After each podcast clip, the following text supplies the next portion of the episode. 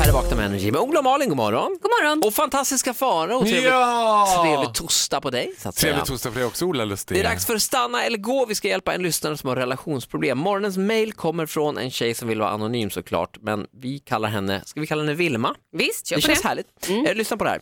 Hej, min kille sexchattar med andra okända kvinnor på internet. Jag blev väldigt svartsjuk What? när jag fick reda på det här. Han berättade för mig ganska nyligen, men tydligen så har det pågått i ungefär ett halvår. Och han menar att det inte är något konstigt alls. Jag tycker det är hemskt och ser det nästan som otrohet. Jag har sagt åt honom att sluta, men han menar att det är i klass med att kolla på porr. Överreagerar jag? Ska jag stanna och kräva att min pojkvän slutar med det här eller ska jag helt enkelt gå? Ja, Vilma, vad tycker Malin Gramer? Vilma, jag får kräk i munnen. Jaha. Nu ska vi prata om din pojkvän som inte längre ska vara din pojkvän. Dumpa honom och gör det ASAP. Så, nu är jag klar. Men är det så, eh, alltså, är porr okej? Nej men så här tycker jag. Porr är ju någonstans som en fantasi, förstår du vad jag menar? Det är, Ja. så här, det är o, onåbart på ett sätt. Sitter du och chattar med en människa som du typ har någon form av relation, det blir ju en relation. Alltså det blir en relation. Ja, Jag säger nej där, jag tycker det är skitkonstigt. Det får han göra med sin flickvän. fantastiska Farao. Ja. Liber- vår liberala röst. Ja, Jag jag, är- tror inte att det per automatik har någonting att göra med otrohet. Jag tror inte att han liksom har en relation till de här tjejerna. Absolut inte. Det är en fantasi. Låt honom hålla så säger jag. Men om hon inte känner sig bekväm med det, då kan hon gå. Jag får vara den så kallade swing-voten här. Mhm. Och jag, eller ja, swing-vote, ni sa ju, ni, egentligen säger ni båda att hon ska gå. Och jag tycker, Nej, jag säger stanna. Ja men Farao, du säger ju att eftersom, om hon är obekväm med det här, vilket ju hon är, annars hade hon inte skickat det. Det står ju också i mejlet att hon är obekväm med det här.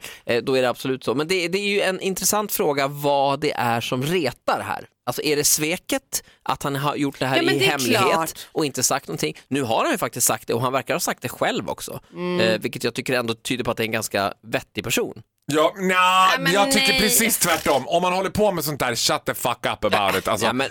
Då ska man inte säga något om det. Alltså behåll det där för dig själv. Jag tror att vi slutar ändå med Vilma, att det här får du nog ta och lämna och gå vidare. tror Ja, jag, jag, faktiskt. säger det, absolut. Hur länge hade de varit tillsammans? I ett halvår? Nej, det står faktiskt inte hur Nej. länge hur de har varit Nej, men det känns inte som de är helt solid. 14 år och de har tre barn. Ja. Gå! Ja, gå. Gå! Men jag tycker du har en poäng där Ge Farao. dig in i en smutsig vårdnadstvist. Så livet är långt och man ska få göra som man vill så länge man är överens om vad, liksom, vad, vad är reglerna här, liksom. Mm. vad är vi bekväma med. Tack för ditt mail i alla fall Vilma och lycka till med din singelsommar, eller?